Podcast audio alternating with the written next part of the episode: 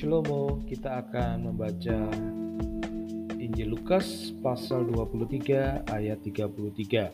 Namun kita akan berdoa terlebih dahulu. Mari kita berdoa.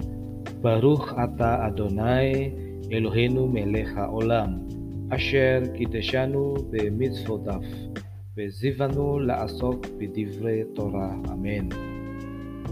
Kita akan baca walamma mad'u bihi illal mauti alladhi yat'a salabuhunaka ma'al mutnibainin wahidan an yaminihi wala khora'am yasarihi.